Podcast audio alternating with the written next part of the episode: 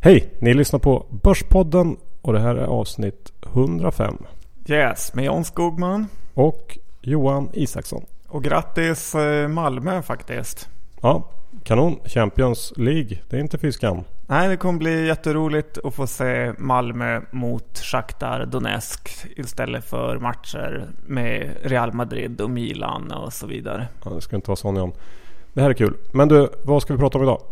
Vi ska prata om vår bokklubb Johan.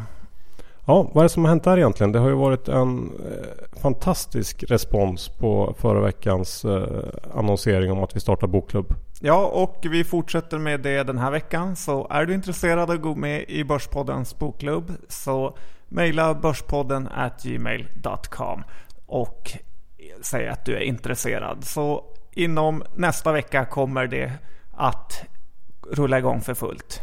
Ja, och vi kommer att komma ut med mer information kring priser och hur hela det här upplägget kommer att se ut framöver här. Det är inte riktigt klart än, men eh, det är på gång.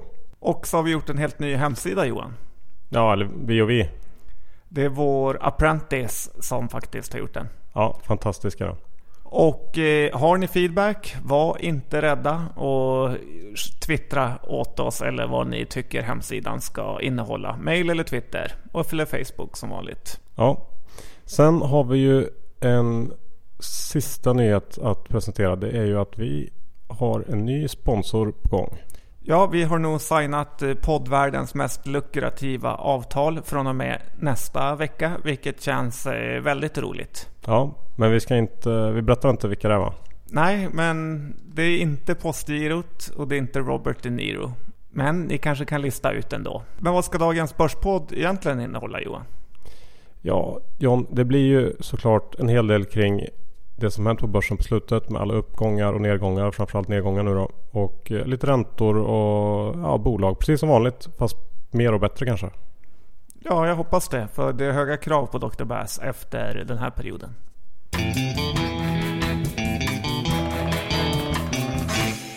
Johan Dr. Bass Isaksson, index är 1480. Det måste kännas väldigt skönt för dig att vi är pratar på nivåer kring 1400 istället för 1700 som det var för några månader sedan. Ja, jo men det är det väl ändå. Och nu är ju egentligen hela den här uppgången vi har haft i år borta. Eh, hela Dragis QE-paket försvann. Det var ganska kort halveringstid på det. Men eh, jag vill ändå nyansera bilden av mig som Dr. Bass som jag tror du har skapat lite grann John. Jag vet inte om det är för någon slags PR-idé eller vad det är som har gjort att du skapar Dr. Bass. Men... Det är ditt artistnamn Johan. Ja, men jag är ju faktiskt ingen permabjörn. Och jag tror liksom inte att allt kommer gå åt helvete. Eh, jag, tyck, jag läste en krönika idag av Peter Benson i Svenskan. Eh, med rubriken Dåliga tider är bra för framtiden. Och det tycker jag sätter fingret på en hel del. För det är precis så det är. Det är inte så farligt med lite lågkonjunktur. Eh, för efter det så blir det bättre och jag tror det är någonting som behövs i ekonomin för att rensa ut det som är dåligt och ja, lägga en grund för någonting nytt.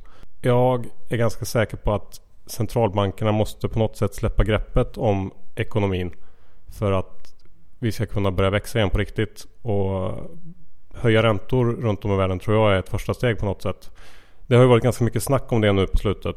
Eh, om Feds eventuella höjning här i höst eller vinter. Nu sista dagarna har hedgefondgiganten Ray Dalio tillsammans med Larry Summers varit ute och varnat för att eh, det går inte att höja räntan nu. Fed ska inte göra det och att eh, ja, konsekvenserna för ekonomin skulle vara ödesdigra, säger de. De säger också att det är snarare så att man borde lansera ett nytt QE-paket. Och jag vet inte, det kanske är så men jag, jag, tycker ändå att man borde göra tvärtom. Man borde liksom låta ekonomin klara sig själv nu och höja den här räntan så att man blir av med det. Och jag tror också att det är viktigt ur kanske ett psykologiskt perspektiv för investerare runt om i världen och visa att det går att höja räntan också. Eh, så får man se vad som händer sen men eh, den här curlande centralbankspolitiken tycker jag att man ska försöka bryta nu. Okej, okay, jag känner mig mer lockad av ett nytt QE-program. Sen hade vi ju Black Monday Johan. Precis.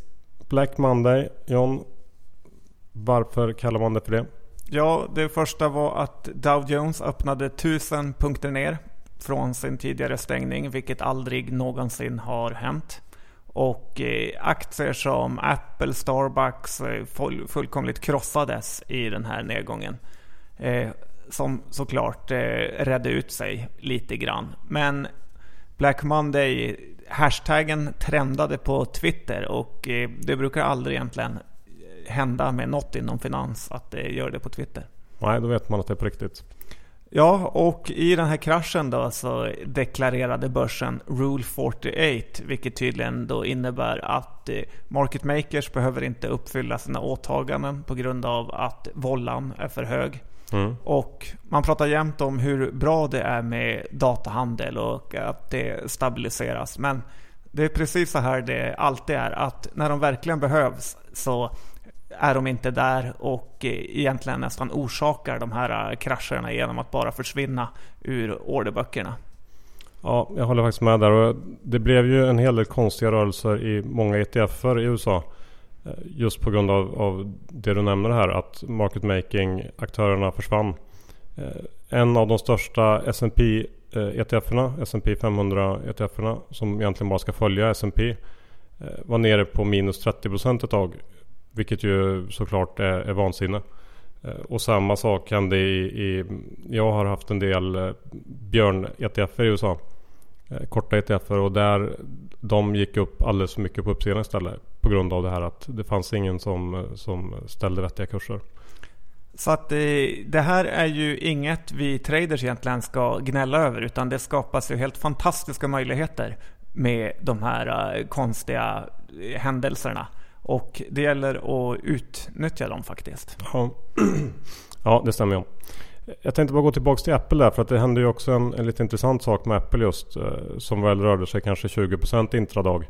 Något sånt. Öppna kraftigt ner för att sen eh, gå upp väldigt mycket. Men eh, visst var det så att Jim Cramer hade fått ett mail av Tim Cook som är VD på Apple. Där han försäkrade Jim Cramer om att det gick väldigt bra för Apple i Kina då. Som kom ut där under sändning på CNBC. Det tycker jag var det är ganska märkligt agerande från en storbolags VD, är det inte det? Jo, det är lite aktietorgskänsla över det. Ja. Men aktiekursen gick upp och Jim Cramer tjänar förmodligen pengar. Ja. Sen har vi ju haft lite sådana här tekniska strul även på hemmaplan. Om man nu ska kalla det tekniska strul, det här med att market making går bort. Men eh, OMX har ju haft problem eh, med terminen ett upprepat antal gånger här sista veckan. Och det är lite samma sak där när man som mest behöver de här systemen och när det ska fungera som, som allra bäst. Det är då de verkar gå ner och det är ju oacceptabelt. Nu såg jag att igår till exempel så gick det inte att handla terminen sista halvtimmen. Och eh, det gjorde också att många sådana här hävstångsprodukter eh, med terminen som underliggande slutade handlas. Och eh, ja, många fastnade helt enkelt i positioner som de kanske inte alls hade tänkt sig ha. Så det där är ju dels en risk man måste tänka på när man handlar de här produkterna uppenbarligen. Och även någonting som alla inblandade aktörer måste skärpa till sig på och fixa för att det ska inte, det ska inte gå till så här. Det är inte så att det var någon otrolig handel igår heller eller volatilitet. Det, det kommer komma betydligt mer eh, ja, intensiva handelsperioder framöver tror jag. Så att eh, OMX kan nog se över sina system lite grann. Ja, det där är bakläxa slash katastrof. Sen måste man också tänka på alla produkter som nu har enorma hävstänger, typ 15 gånger. Och handlar man sådana här produkter med hävstång, eh, framförallt de hävstängerna med kring 15 gånger som finns nu, så måste man vara beredd på att man kan bli ”resettad” som det tydligen heter.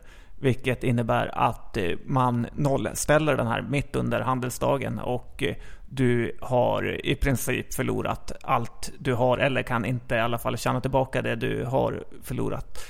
Så det finns många farliga saker med hävstångsprodukter som det verkligen gäller att se upp för. Absolut.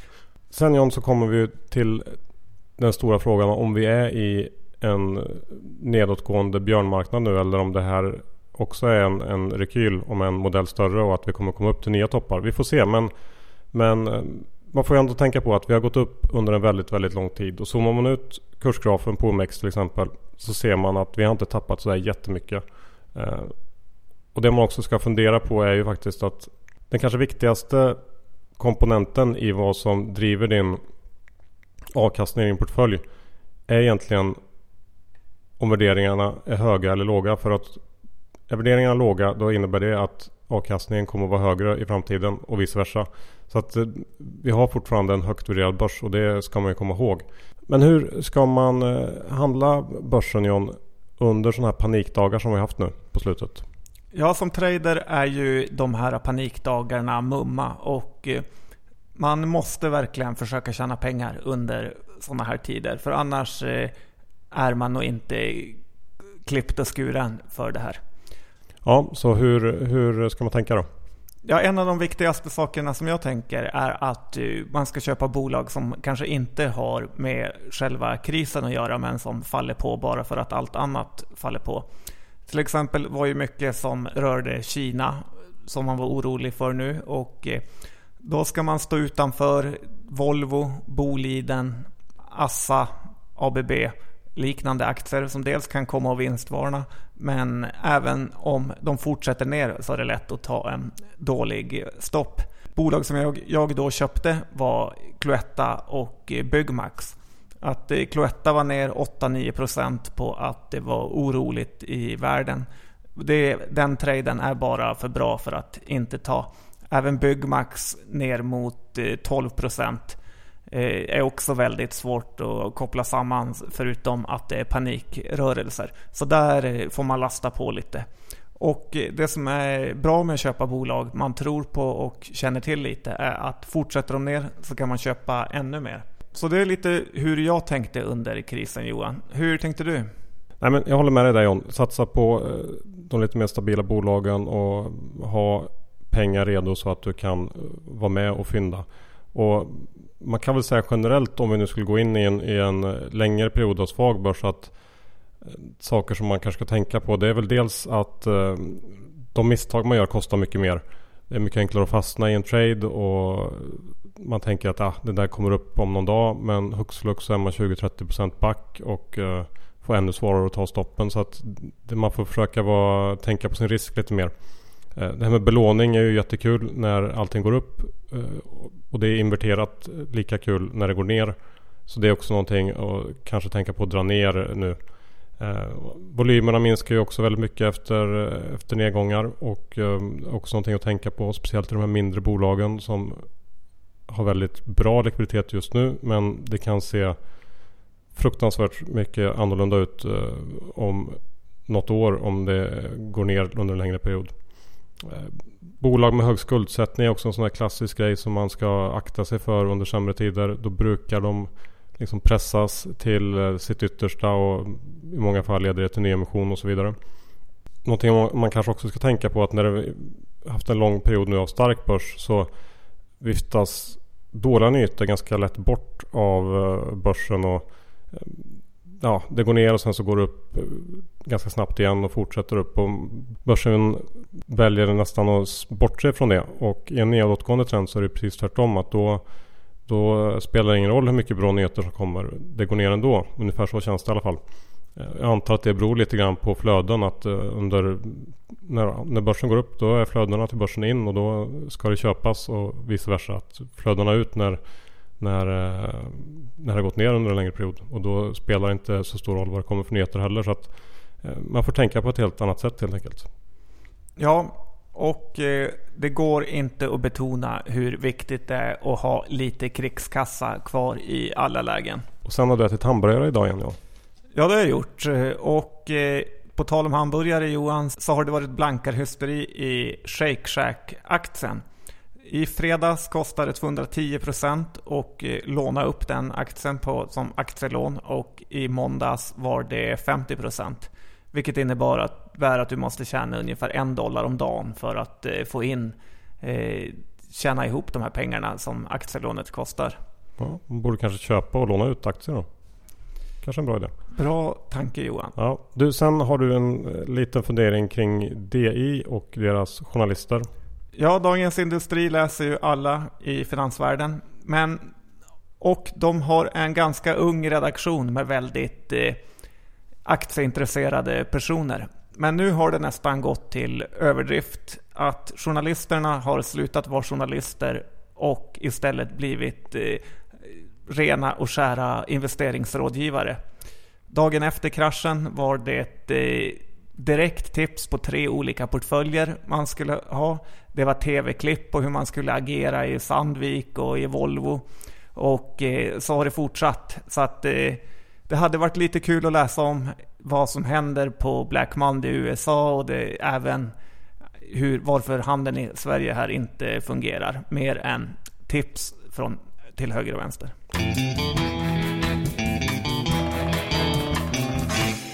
John, vi rekommenderade att man skulle teckna Nilörngruppen här i våras när de gick till börsen. Det skulle vi inte gjort. Nej, det skulle vi inte gjort. Eh, det, har väl inte varit någon Ove Bunker-katastrof, men det är ändå så att jag känner mig lite lurad på så sätt att Nilörngruppen presenterade sitt eh, Q1 innan den här eh, noteringen som var relativt dåligt. Men de pekade på april månad som var fantastisk där de hade tjänat 10 miljoner på bara en månad. Och det lät ju lockande. Sen visade det sig, visade det sig nu när kvartalsrapporten kom att de bara tjänat 2 miljoner per månad i maj och juni. Som gjorde att eh, hela rörelseresultatet då från Q2 var 14 miljoner. Och det är ju alldeles för dåligt. Bolaget har slarvat bort sin nettokassa och gått till nettoskuld. Utdelningen är möjligt att den inte alls kommer bli vad folk eh, tror. Utan jag vänder faktiskt här och eh, säger sälj. Jag vill inte ha textil i Kina och det finns roligare case än så här. Traction har gjort det igen och eh, underleverera är deras nya slagord. Oj, hårda bud från John. Ja, det var för att jag förlorade så mycket själv. Ja, så kan det vara. VBG då? Ett annat bolag som du har eh, pratat gott om. Ja, det är ett favoritbolag jag haft under en lång period. Det här bolaget har ju allt man vill ha. Det är marknadsledande position på sina marknader. Det är skuldfritt. Men det är också allt man inte vill ha Johan. Det är en jätteseg ledning som inte gör något känns det som. Det är oförutsägbara resultat och det är stiftelseägt vilket gör att det i princip inte kan köpas ut från börsen. Melker Schörling borde gå in och sparka ut lite folk och eh, se till att den här surdegen rör på sig. Den har inte rört på sig aktiekursmässigt på flera år och nu har jag tröttnat. Stopp säger John. Ja, det är ingen säljrek, men köp inte den här aktien. Det finns roligare trades där ute. Okej. Typ Firefly då eller? Det är ju mitt lilla favoritbolag och de kom med tredje fina rapporten i rad. Erik Mittregger levererar och det ska vara kul att se vad hans andra Baby Wise som har rapport imorgon kommer med för resultat. Ja. Ett bolag som inte har varit något glädjeämne för de som har haft aktien i sin, sina portföljer är ju Hansa. Den lilla kontraktstillverkaren som Avanza noterade. Det rimmar nästan. Ja, Avanzas korp måste sätta nya personliga rekord i Avanzas korp måste persa i att sätta värdelösa bolag på börsen. Finns det ingen som kan räkna där? Det känns ju väldigt konstigt hur ett bolag kan komma in på 27 kronor och sen göra nyemission på 6 kronor ett halvår senare. Även V Automotive är ju ett fruktansvärt uselt bolag med eh, jättedåliga resultat och enda anledning till att det inte är ännu mer katastrof är att de har sålt eh, sina fastigheter. Ja, det känns ju verkligen som att Avanza borde fundera på att lägga ner den här korplådan som ju har varit usel. Ja, det har det varit. Det är ju trist att folk ska förlora pengar. Men Johan, mm. jag säger men. Det ja. finns inget ont som inte har något gott med sig. Nej, berätta. Hansa kom in på 27. Det är en nyemission på 5,80. Jag har tagit en liten stek för att eh, jag tycker man kan se lite värde i kronor, i, i kurser under 6 kronor. Det är möjligt att det här blir som Jace, en eh, värdelös nyemissionstrade, men den kan också faktiskt ha något. Vi följer upp. Sen har du tittat lite på fastighetsbolagen. Ja, så är det. Det är lite intressant att se att i städer som Umeå har det blivit tomt i vissa centrala delar på, för att eh, Ikea ska öppna och det kommer dränera folk från stan. Det här är lite oroande utveckling för fastighetsbolagen att det kanske inte kommer vara vad det alltid har varit. Att eh, location är det bästa. Nej, så kan det nog vara. Men har du något bolag som du tycker sticker ut då i fastighetssektorn? Ja, jag har ju mitt favorithatbolag och det är finska Citycon som eh, dels har gjort en nyemission nyligen för att de har satsat på köpcentrum i Norge och sen äger de de eh, sämsta köpcentrumen i Sverige. Typ Kista, Åkersberga, Strömpilen i Umeå och så vidare. Det här är inget man ska ha i sin portfölj även om utdelningen är hög. Okej, så akta er för det. Men Balder, det gillar du? Ja, jag har blivit nykär och eh, han heter Erik Selin. Ju mer jag tänker på det så tror jag att Erik Selin är en Warren Buffett. Istället för att ha försäkringar som grund, som Warren Buffett har i sitt Berkshire, så har eh, Erik Selin och Balder fastigheter. Och utifrån där, det kan de göra väldigt fina affärer. Jag läste en analys att eh, under en lång period nu så har han en compounding eh, ränta på 15 procent, Vilket är väldigt bra.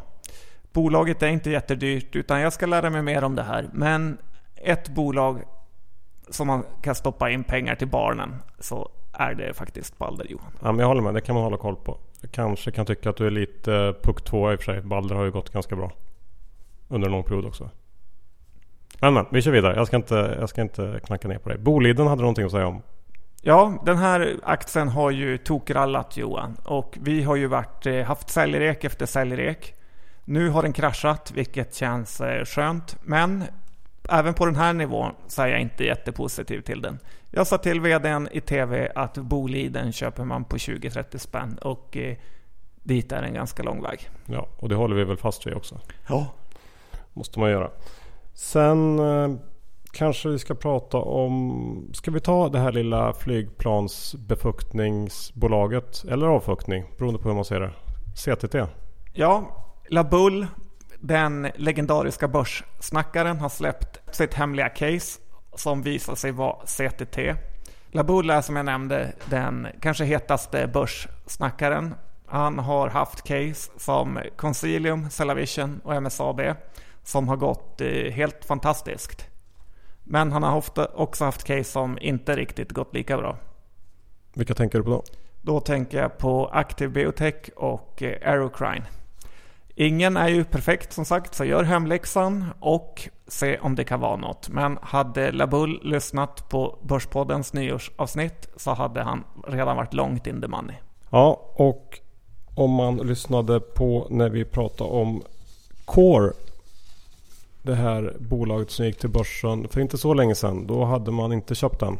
Nej, du var väldigt kritisk till deras redovisning och eh, nu kom de med en riktigt kass rapport. Deras första som bolag eh, på börsen och gick ner 10%. Ja, och igen är det väldigt mycket jämförelsestörande poster som dyker upp och stör resultatet. Och enskilda menar att eh, aktien handlas till P-tal på 8-8,5 eh, för rullande 12 månader. Och tror man på det så låter det väldigt billigt. Det kanske är billigt, jag vet inte. Men man återkommer ju ändå till det här att de envisas med att eh, ha ett marginalmål som bygger på en justerad ebita-marginal.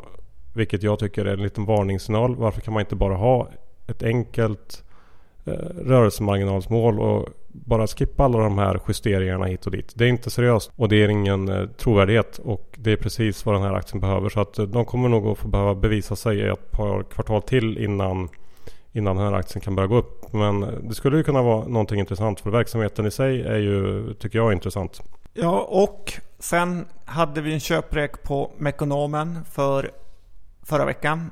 Nu kom de med rapport idag. Kommentar? Ja, rapporten var väl inline eh, med vad konsensus räknade med ungefär. Vi hade ju hoppats på en eh, lite bättre rapport än så och känner väl oss lite besvikna. Ja, nu återgår det till ett utdelningscase och tuffa på som vanligt. Ja, Men det riktiga det. kurslyftet uteblir. ja.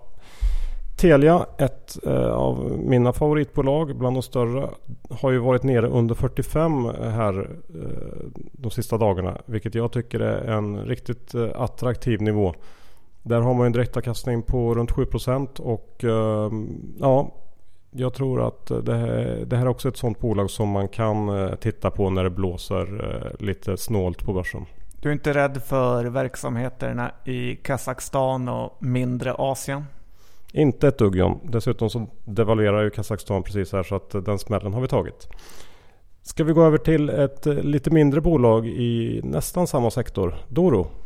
Ja, de kom också med en väldigt fin rapport. De hade ju spekat bort sig i valutan upp första halvåret, men nu är de eh, tillbaka i hög form. Bolaget räknar med ett starkt andra halvår här och aktien tycker jag ser ganska billig ut. Det, den sätter jag upp på min bevakningslista framöver.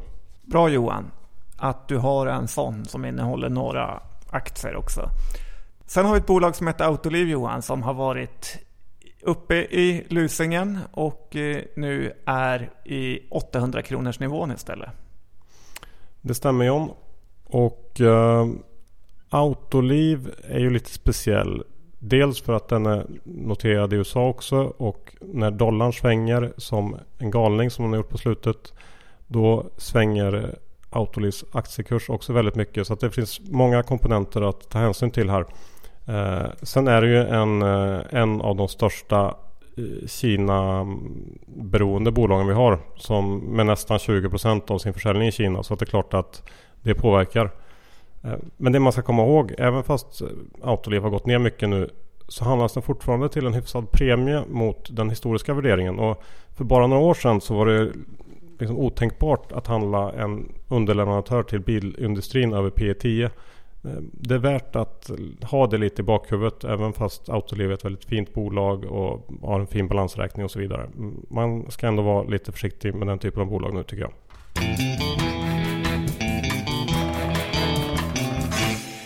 Sådär John, avsnitt 105.